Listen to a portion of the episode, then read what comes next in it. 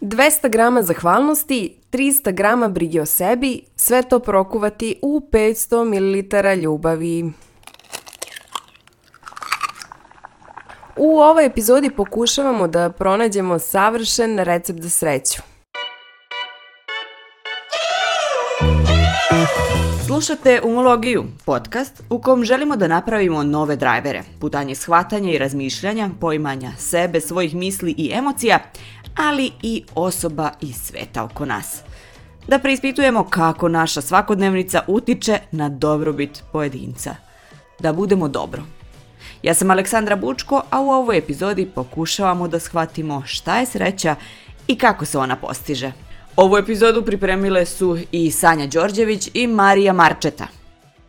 Tema je složena i zanimljiva, jasno, i ima puno odgovora nju i jako je teško u okviru jednog kratkog razgovora uredi, dati tačno određenje. U filozofiji ta specifičnost imate uvek e, kod to, svakom pojmu različitih određenja, znači imate ih koliko hoćete, zavisno od same pozicije. Tako da e, i ovde bismo mogli reći da je pojam sreće bio jedan ključnih u istoriji etike, mada zanimljivo za neku ranu fazu u antičkoj filozofiji, tamo se više promišlja taj pojam nego u nekom kasnije vreme, što, što naravno ne znači da nema toga i kasnije, ima promišljenja i čak e, određenja sreće kao glavnog životnog cilja i u nekoj kasnijoj novom veku, na modernoj filozofiji, ali to je bilo specifično upravo antičke filozofije. Pojmanje sreće je baš nekako filozofsko pitanje, ne? Diskutovanje o sreći večito je predstavljalo igralište za filozofe, mada i u današnjem svetu sve više diskutujemo na ovu temu. Pričala sam o ovome sa profesorom filozofije na Filozofskom fakultetu u Novom Sadu Damirom Smiljanićem. Čuli smo, Smiljanić kaže da je to bila specifičnost antičke filozofije. Znači, oni su sreće baš videli u uskoj vezi sa, istina, sa vrlinom. To je nešto možda ih razlikuje od današnjeg vremena. Mislim, danas pojam vrline nema neku veliki značaj. Nećemo reći da povezivati vrlinu sa srećom. Ali za njih upravo to značilo. Da biste živeli srećan život, morate biti ostvariti neku određenu vrlinu. I pre svega, naravno što je opet tipično za staru Grčku, da usladite svoje porive, nagone sa svojom umskom prirodom. Um je bitan tu. Ne? Što naravno sad one koji nisu ljubitelji filozofije sma, mogu navesti na to da prebace filozofima, da suviše drže tog racionalnog momenta, međutim nije tako i kad već pominjamo to zanimljivo, upravo u antičkoj filozofiji imate i neke koncepcije koje smatraju da je ta razboritost, promišljenost važna, ali da treba ispoštovati tu neku osjećajnu, doživljenu stranu, recimo kod Epikura, hedonizam se prihvata kao jedna jedno etičko učenje, znači koje nije, koje nije protivno principu razboritosti. Znači vi možete da, naravno, umereno uživate u nekim te, čak i telesnim zadovoljstvima, pod uslovom da se ne ogrešite od taj racionalni princip. Znači vi morate kada i upražnjavate neku određenu uh, aktivnost koja vodi nekom telesnom zadovoljstvu, da, da to činite u granicama, ajde negde od Kanta recimo se neki drugi pojmovi stavljaju u fokus, više je bitna, Kant je predstavnik moralnog rigorizma, mm -hmm. znači bitno je držati se pravilnosti, moralnog zakona, imperativa, to je važnije tipično pruski, nemački, e, dužnost na prvom mjestu tako i sreća se mora uskladiti prema tome. Mm -hmm. Znači ona je tek na sekundarnom značaju. Mislim da je zapravo jako teško i kroz istoriju, a i danas definisati pojam sreće na jedan onako laki, sofisticiran način. Ono što mi znamo negde iz teorije, sreća predstavlja stanje zadovoljstva određenom životnom situacijom koja je usko povezana sa radošću ili sa jednim osjećanjem ispunjenosti ali uh, kada govorimo o sreći, uvek uzimamo u obzir da je ona uh, jedna subjektivna zapravo procena i samim tim možemo je posmatrati individualno, odnosno uh, različiti ljudi različito doživljavaju sreću jer za različite ljude sreća može da znači potpuno nešto drugo u odnosu na ono što mi mislimo zapravo da je sreća. Postoje neke definicije kojih se mi nekako psihološki pridržavamo ako govorimo o sreći i jedna od tih je u stvari kada definišemo sreću u užem i u širem smislu. U užem smislu sreća zapravo predstavlja trenutno iskustvo osjećanja praktično jedne emocije, afekta jedne emocije i onda možemo da govorimo o tome da je u tom trenutku čovek radostan, zadovoljan, ispunjen, ushićen, sve to, veseo, sve to nekako možemo podvesti pod pojam sreće. Međutim, kada govorimo uh, o sre, sreći u širem smislu, uh, govorimo o nekom, nekom subjektivnom proce, subjektivnoj proceni kompletnog životnog zadovoljstva. To je ta sreća u nekom širem kontekstu. Zašto se mi bavimo pojmom sreće? A, to je jedan od fenomena a, kojim su se zapravo, a, koji je potekao a, i bavili su se njime zapravo i filozofi iz antičke Grčke. Znači, čitava naša poznata ili pisana istorija je težila da odgonetne ili da na neki način bar rastumači pojam sreće. I zato je on i nama danas jedan a, motiv. Vrlo često ćete čuti od ljudi da kažu a, najvažnije je da pronađeš neku sreću u životu, nešto što te ispunjava, nešto što te usrećuje, nešto zbog čega si ti sam zadovoljan, radostan, čemu težiš. I u stvari mislim da je to jedan i filozofski fenomen, ali ujedno i psihološki fenomen. A ovo je psihološkinja i psihoterapeutkinja Branislava Stević. Sa njom smo već razgovarali na veoma sličnu temu, zato je i danas ovde. Razgovarali smo s njom kada smo u umologiji govorili o kratkoročnim zadovoljstvima kao veoma važnom delu za emocionalno blagostanje ili ti važnom pojmu kako bi se osjećali srećnije. Kako se biva srećan je u stvari jedno dobro filozofsko pitanje na koje nije lako baš u potpunosti dati jednostavan odgovor. Ali mislim kao što neka društva u stvari od malena kreću da rade na nekim principima koji povećavaju ili oblicima ponašanja koji povećavaju verovatnoću da će srećno dete izrasti u srećnog odraslog, pa je onda možda važno da um, napravimo te uslove ili kriterijume, tu se pre svega misli na zemlje severne Evrope, koje su već dugo godina unazad po statistici nekako vodeće po istraživanju u doživljaju sreće, pre svega mislim na Dansku i na Finsku. Gde u stvari postoji jedna sjajna knjiga Danski recept za srećno dete, gde dvoje psihologa i istraživača opisuju kako se deca zapravo od malena uče disciplini i slobodi. Za nas to deluje kontraindikovano da jedan i drugi fenomen može da stoji u istom kontekstu, ali zapravo taj uh, koncept slobode, izražaja misli, osjećaja, doživljaja u određenim granicama može da doprinese da zaista srećna deca izrastaju srećne ljude. I mislim da u stvari je tu taj značaj društva ili okruženja kada mi se osvrnemo na našu situaciju i na to da smo mi 30 godina unazad u društvenom kontekstu ipak u tenzičnim uslovima, kada to kažem mislim na postratni period, pre svega na ratni period, postratni period, um, ekonomsku krizu, uh, sve neke druge krize koje su nas snašle i za koju mislim da u stvari danas nekako još uvek nismo izašli iz toga uh, je mnogo drugačije u odnosu na ljude koji se ne suočavaju sa svim tim procesima kao mi. Vrlo često ćete čuti da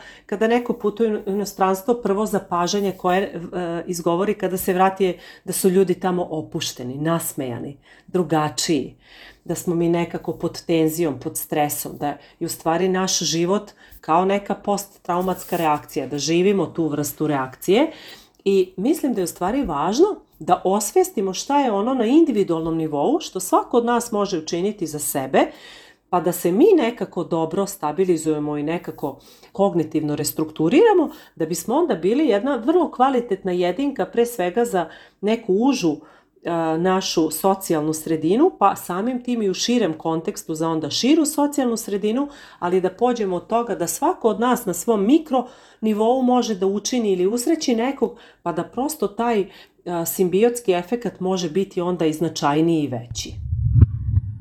Ujedinjene nacije svake godine rade istraživanje u kojem prave rang liste zemalja po stepenu sreće. Od 137 zemalja, Finska je nekoliko godina za redom na vrhu spiska. Pa to mi baš i ne zvuči nešto tačno, s obzirom da tamo zimi i nema sunca gotovo uopšte, zapravo nema ga uopšte. A čini mi se da sunce dosta utiče na raspoloženje. Sunčan dan nekako čini da svi generalno budemo nekako veseli, zar ne? E, inače, profesor filozofije Damir Smiljanić je takođe zbunjen ovim rezultatom sa Finsku. Se ne pročita podatak, možda to više nije toliko ni validan, ali da je navodno u Finskoj, koja je to, to neki paramet najsrećnija zemlja, odnosno srećen sa, sa najsrećnijim ljudima, da je navodno najveći uh, procenat uh, suicida. E sad, to je ona neka, koji je meni ne, neobičan uh, raskorak koji to postoji. Da li to znači da čak i u srećnom društvu, jednom najizgled srećnom društvu, individu ipak na kraju nije srećna, ako potegne za takvim nekim ovo, ako zapadne u neku depresiju, šta god, neko može biti sretan u smislu nekog posledanja nekog imućstva i šta god, ali možda nije srećan, što bi se reklo, unutra dovoljno, pa onda dolaze do nekog nesklada. Šta dalje kaže istraživanje? Na kom smo mi mestu? Kažu da su iza Finske Danci i Islanđani. Podaci su e, iz 2022. godine. U top 10 su uh, ušli i Holandjani, Sveđani, Norvežani, Švajcarci i Luksemburžani, što se negde i može pretpostaviti. Od zemalja gde žive naši ljudi, Tu su Austrija na 11. mestu, Kanada na 13. i Nemačka na 16. mestu. Ali ni mi nismo tako loši. Sada slede brojke, ali svakako vas pozivamo da dođete i na naš sajt, tamo ćete vidjeti onako detaljnije ispisano ko se gde nalazi. Srbija se nalazi na 45. mestu, par mesta ispred Hrvatske. Na spisku je i Kosovo koje je za 10 mesta bolje od Srbije. Mađarska je na 51. poziciji, Crna Gora na 67. Bosna i Hercegovina na 71. a Makedonija na 87. mestu.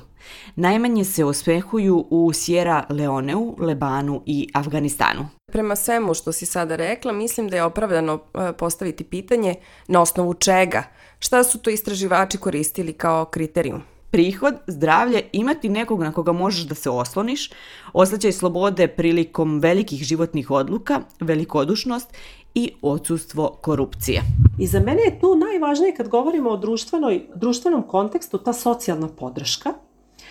I mislim da je Srbija zbog toga baš zauzela to neko za mene visoko 45. mesto, zato što od tih faktora koje su Jedinjene nacije navele kao kriterijume za istraživanje o sreći, mislim da je ta socijalna podrška kod nas još uvek dovoljno razvijena. Kada se desi neki stvarni problem u društvu, vrlo malo vremena treba da se čitavo društvo pokrene, da se u stvari taj problem reši. I ono što bih još istakla, a mislim da je važno za društveni kontekst, je jedan od kriterijuma koji je bio u ocenjivanju, a to je velikodušnost. Mislim da smo mi još uvek narod koji je prilično velikodušan i koji će na nečije probleme reagovati združeno u jednoj zdravoj zajedničkoj nameri da se nekom pomogne.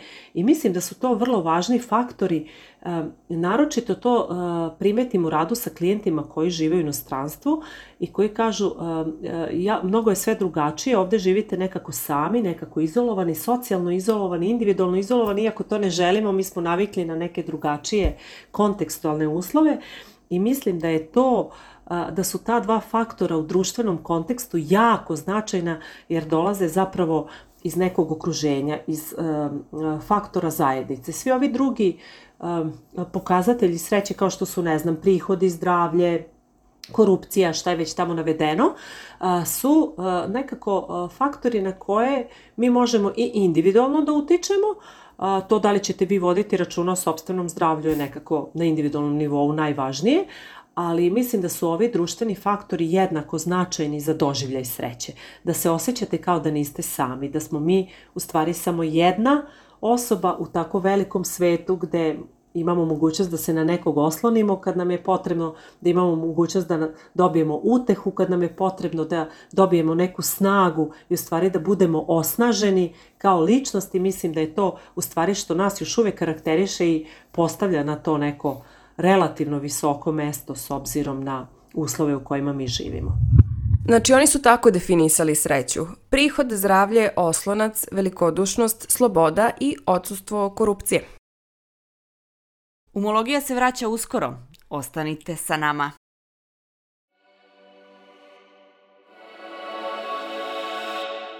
Hej, ja sam Sanja i ovo je Umologija, mesto na kome pričamo i istražujemo važne teme. Kao audio novinarka, moj posao je da istražujem različite teme od svakodnevnih sitnica koje čine naš dan do toga kako da učinimo život generalno srećnijim. I snimam sagovornike.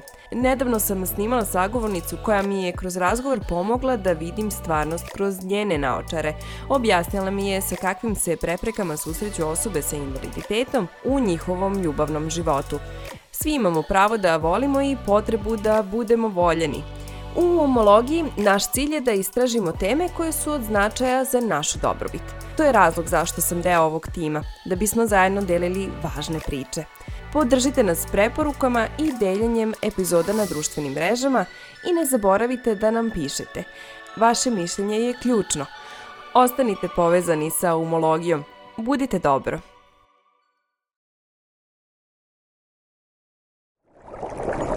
A šta našem telu znači kada smo srećni? Svakako nam je poznato iz medicinskih znanja da kada doživljavamo sreću ili kada se osjećamo srećno, uglavnom se luče određeni hormoni, mi ih ukupno zovemo hormon sreće. Nekako u narodu je prepoznat taj izraz kao hormon sreće, a oni se zapravo dele na dopamin, serotonin, oksitocin i jedan važan hormon sreće koji se zove endorfin, a koji se zapravo luči u momentima kada treba da se umirimo. Zapravo, vrlo često s jedne strane može da umanji bol, a s druge strane podstiče euforiju. Zašto su za nas zapravo ti procesi važni? Slobodno možemo reći da u medicinskom aspektu se sreća dešava u tim biohemijskim procesima u mozgu. Za lučenje tih hormona je zadužen naravno ili hipokampus ili hipofiza gde se luči oksitocin, zadnji režan hipofize, I važno nam je u stvari da znamo kako mi možemo da podstičemo lučenje tih hormona. Znači, ako radimo nešto prijatno, ako radimo nešto što nas ispunjava, ako radimo nešto što je a, u našem referentnom sistemu vrednosti nešto čemu se radujemo, nešto što nas oplemenjuje, to može čak da bude i način na koji razmišljamo. Postoji jedna jako zanimljiva krilatica koju je rekao Jovan Dučić, da u stvari onaj ko misli da je srećan, taj jeste srećan. I vrlo često mi izbegavamo te savete koji se tiču life coachinga u smislu mislite pozitivno pa ćete biti srećni, ne, ali način mišljenja za i način rezonovanja čak i o životnim problemima zaista značajno može da utiče na to kako ćemo se mi osjećati i zapravo ne samo kako ćemo se mi osjećati, nego i šta ćemo mi osjećati. S tim u vezi, ja onda kažem da zaista jednim delom je za našu sreću odgovoran mozak, znači odgovoran naš organizam, a drugim delom smo odgovorni nekako i mi sami. Šta mi činimo, Pa čak i u momentu, eto, uh, lučenja hormona gde je nauka prepoznala da je određena vrsta hrane uh, dovodi do toga da se luče hormoni sreće i uh, šta mi činimo i kako mi delamo, ono što se i terapijski stalno podstiče, šta je ono što je do nas i što mi možemo da uradimo, a da nekako izazovemo u stvari taj osjećaj da se osjećamo zadovoljno, vedro, veselo, razdragano, radosno i da u stvari osetimo u nekim trenucima sreću. Nezahvalno je definisati opštu sreću. Da li ti i ja zaista živimo za nijansu srećnije života od neke dve osobe koje, na primjer, žive u Mađarskoj? Zato se sreća uglavnom posmatra kao lično, personalno. Zato što je u stvari sreća samo jedna vrsta procene. I zašto je ona subjektivna? Zato što nemamo jednu egzaktnu definiciju šta je univerzalni pojam, pa se odnosi, mm, slobodno mogu reći, baš za sve.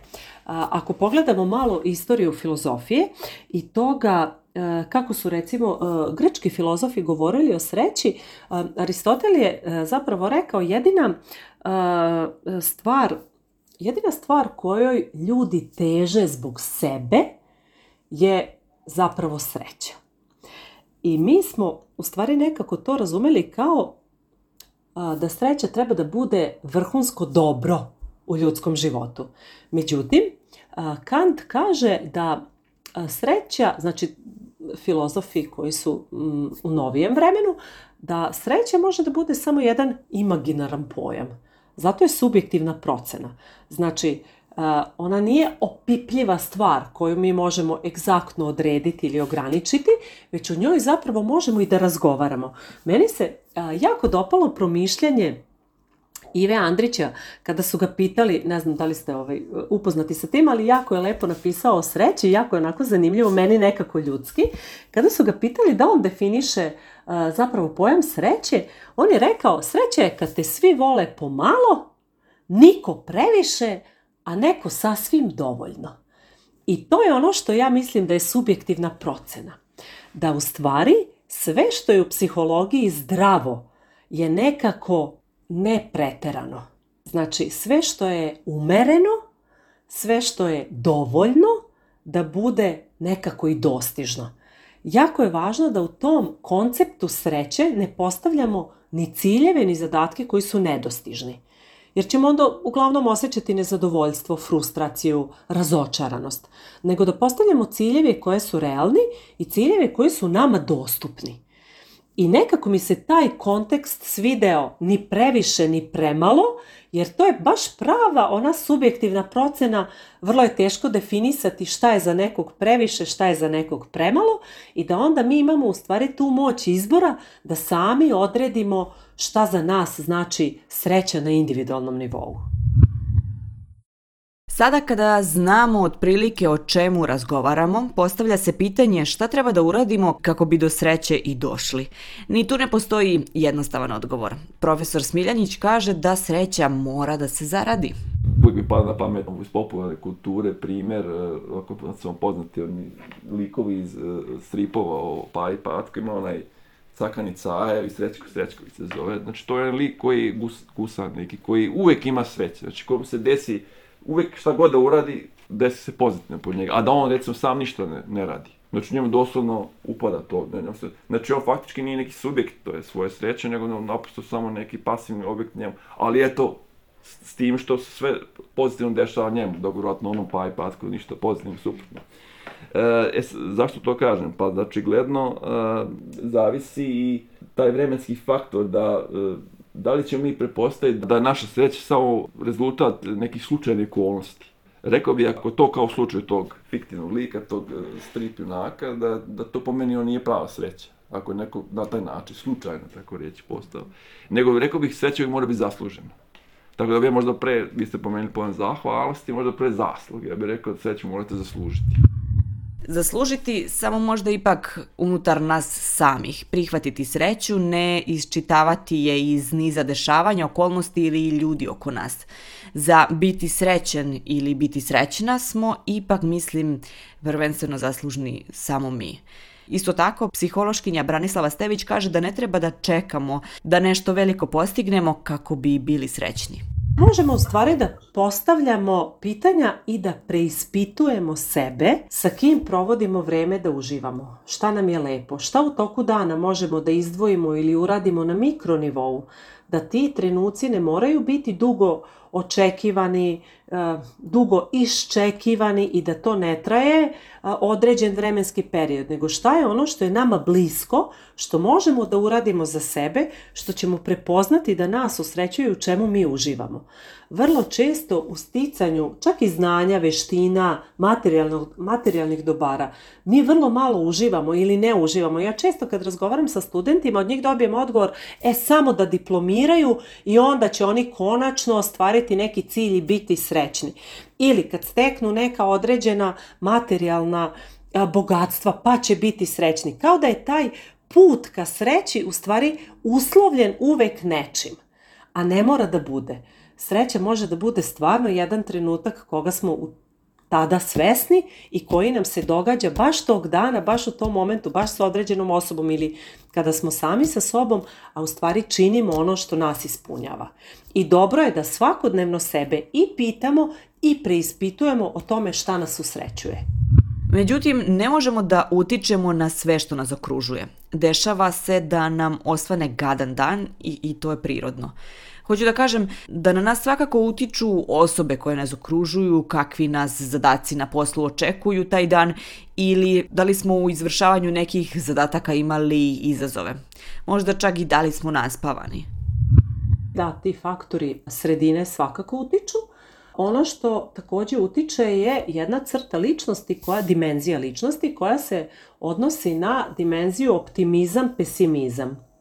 U petofaktorskom modelu ličnosti mi zapravo imamo tu jednu vrlo važnu, važnu crtu a, koja a, se na jednom kontinumu meri i gde u stvari vi od najranijeg uzrasta sa određenim porukama možete da utičete u formativnim periodima na dete koje će i kad napravi nešto što nije ok ili ne uradi neki zadatak, neće to doživeti kao tragediju, već će gledati kako to da ume da popravi sa snažnom podrškom koja zapravo dolazi pred svega od primarnih autoriteta, to su roditelji, prvih autoriteta, i gde dete u stvari uči optimistički način mišljenja.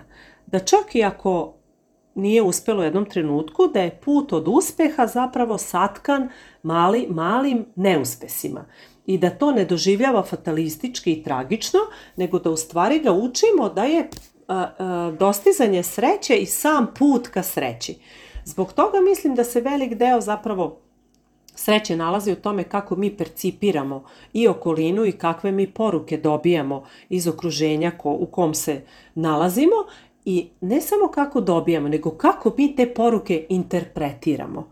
Ono što je za nas važno jesu i ti faktori. Uh, vidjet ćete sami kako godine prolaze, ljudi teže hedonizmu, znači teže da su okruženi ljudima koji su neopterećujući, koji su uh, puni humora, uh, pored kojih mogu da se opuste, koji posle njihove, ono, tea, uh, nisu prenapregnuti, nisu um, nekako anksiozni, nego su opušteni, relaksirani, nasmejani i u stvari mi vremenom nekako biramo ljude koji su za nas potpuno neopterećujući.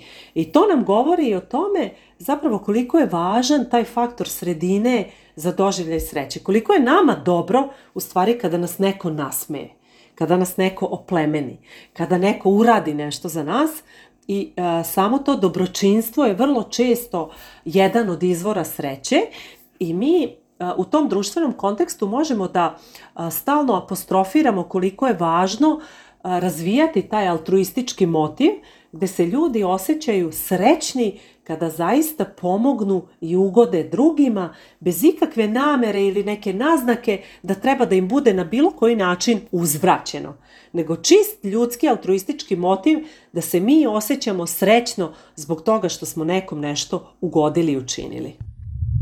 I filozofija postiče taj spoljašnji faktor, kaže profesor Smiljanić. Antički kontekst je interesantan zato što tu postoji ideja umeća življenja. Znači nije samo puka etika u smislu nekog učenja, nekog abstraktnog učenja u nekom određenom broju vrlina, pravila i tako dalje, ne, nego umeće življenja. Pretpostavlja se da vi etički kad promišljate svoj život, vi pokušavate da nađete način kako da živite, naravno opet u skladu i sa nekim normama opštim, recimo upravo Aristotel kao jedan osnivača etike smatra da ta socijalna dimenzija važna isto. Znači, do, sreću doživjeti možete individualno samo ako neki način ispoštujete taj moment, socijalni aspekt, da se usledite sa drugima, da, da nekom ne, ne naškodite.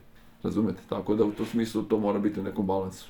Jer čovjek je po, po Aristotelu doslovno socijalno političko biće.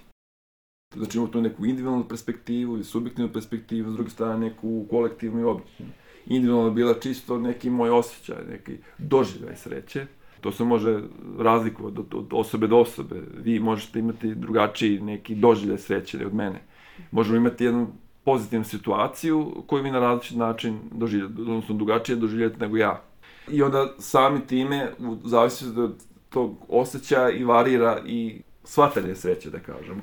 A opet, s druge strane, treba sagledati i taj objektivni ili kolektivni aspekt da naprosto pitanje da li recimo vi možete biti sretni u jednom društvu ako je to društvo u globalu pod znacima nesrećno ili ako postoje veliki broj nesrećnih ljudi.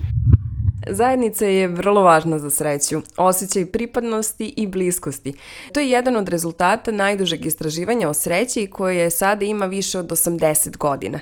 Istraživači sa Harvarda su 1938. godine tokom velike depresije u Americi želeli doći do zaključka koji elementi su ti koji vode do zdravog i srećnog života. Prvi učesnici u ovom istraživanju su bili studenti sa Harvarda, pa je istraživanje u početku bilo sprovedeno samo na muškarcima jer devojkama nije bio omogućen pristup akademskom znanju.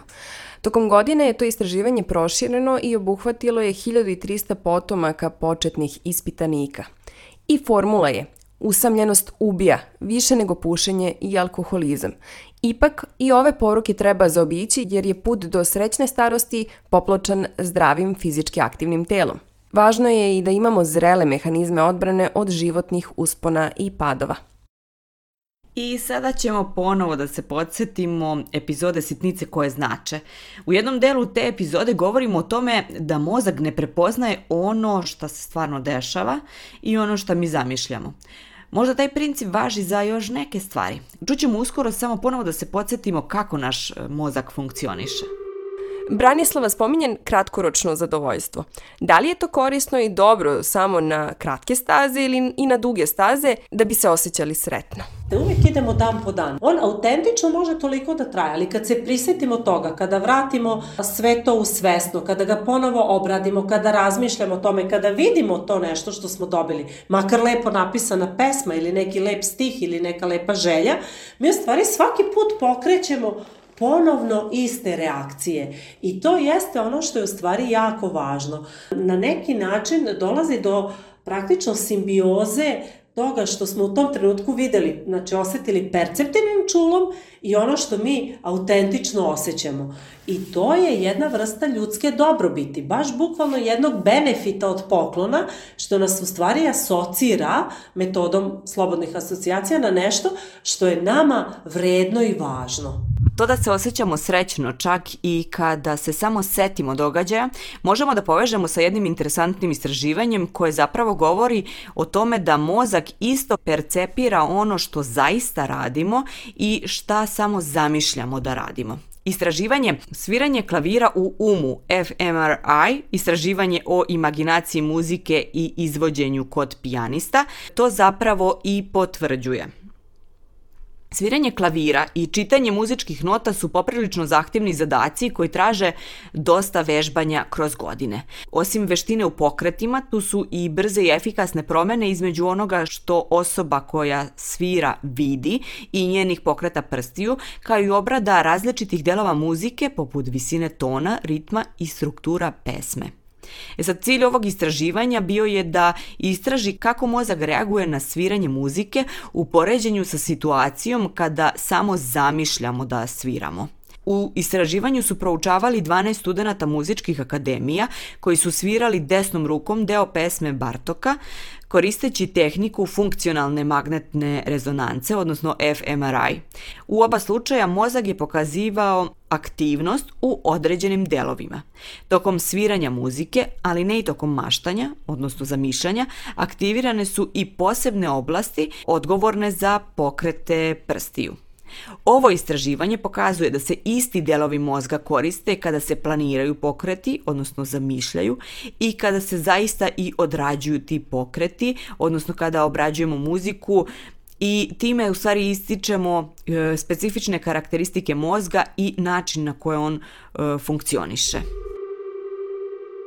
Ovo može da bude jedan od tih situacija kada mozak ne razlikuje realnost od našeg razmišljanja. I kada nam nije do smeha, isforsirajte ga, pa će on prirodno doći. To je fokus terapije smehom koju vodi psihoterapeutkinja Tatjana Stojišić-Petković, koja je sa nama razgovarala u epizodi kada smo govorili o ljubavnom i seksualnom životu osoba sa invaliditetom. Ova psihoterapeutkinja je smeh yoga liderka. Vi kad se nasmejete duže od par sekundi, od 30-40 sekundi, a složit ćete se, to nije ni ceo minut, vi već u mozgu pišete barijere, jer naš mozak ne prepoznaje taj simulirani smeh, smeh koji je, zato što sam ja odlučila, i smeh koji je iskren kao posljedica nekog vica, nekog duhovitog skeča, nekog klipa na YouTube-u i slično.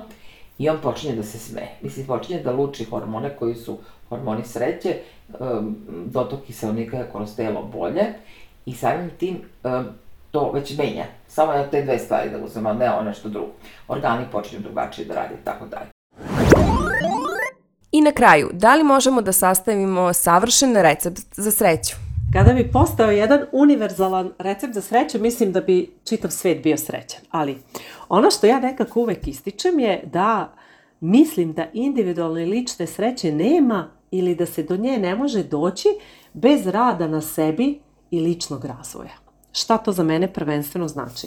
Pre svega mislim na razvoj samopouzdanja, da osobe koje imaju to iskustvo da osete sreću zapravo razvijaju samopouzdanje i u skladu sa tim i samopoštovanje. Da uče ili da učimo zajedno sebe kako da pronađemo sobstveni mir, odnosno onu smirenost koja nam je potrebna kada stvari u životu ne idu onako kako smo mi očekivali.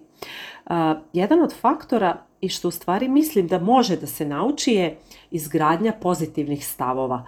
Ali tu ne mislim nužno na pozitivnu psihologiju, nego da naučimo da zaista ne brinemo o stvarima koje mi ne možemo kontrolisati i na koje mi ne možemo uticati, da uradimo jednu vrstu kognitivisti, kognitivisti bi rekli kognitivne restrukturacije, da naučimo da mislimo drugačije od svega onog što smo zapravo um, učili da mislimo sa, do sada i da uh, to ostvarivanje ili želja ka nekim, nekom, postignu, nekom postignuću ili ostvarivanje ciljeva ne ide po svaku cenu, nego da mi u tome istinski uživamo do momenta dok se neki naš cilj ne ostvari ili ne, ne realizuje. Mislim da su to neki onako uopšteni recepti za sreću, a sad svako će još dodati neki svoj individualni aspekt koji je za njega značajan, ali svakako mislim da rad na sebi i zapravo rad na ličnom razvoju snažno može uticati na to kako ćemo doživljavati i sebe u društvenom kontekstu, ali kako ćemo uspeti da doživimo te neke srećne trenutke koji potpuno mogu da oboje naš život u neku divnu, divnu, divnu boju. Ne bih tražio recept za sreću, nego bih pretražio možda jedan stav prema tome. Ne, ne želim tim da kažem da svi moramo da prvo definišemo i da znamo šta, šta ušte sreća. Ne mora tako reći svi biti prvo filozofi pa da onda budemo ljudi, nego želim da kažem da je naprosto e, ta promišljena razboritost, kako to zvali, bi bila trebala biti nužna negde jer možemo da onda da redukujemo neke prevelike ciljeve, e, pretenzije koje smatramo da moramo ispuniti da bismo bili srećni. A ako to neku napred uspemo da napravimo neku kalkulaciju, da ne zavisimo od toga, da nije svaki uspeh baš potreban e, na taj način, da onda da se malo distanciramo od toga. Znači jedna vrsta razboritosti bi rekao da ona pripada uz, uz, uz sreću ili onako želi da živi srećan. Počnete i završite s razumom. Univerzalni recept za sreću ne postoji. U njega idu proizvoljni sastojci u proizvoljnim količinama. Spremamo ih onako kako mislimo da treba. Pa ako ispadne onako kako ne treba, ako nam zagori ili nije dovoljno slatko, uvek se možemo vratiti na početak i učiti iz grešaka. Iako je potrebno da improvizujemo sa sastojcima, neki od ključnih su zahvalnost, podrška i zdravlje. Ono što je sigurno je da je sreća veća kad se podeli – Pošalji ovaj podcast nekome kome misliš da bi zatrebalo.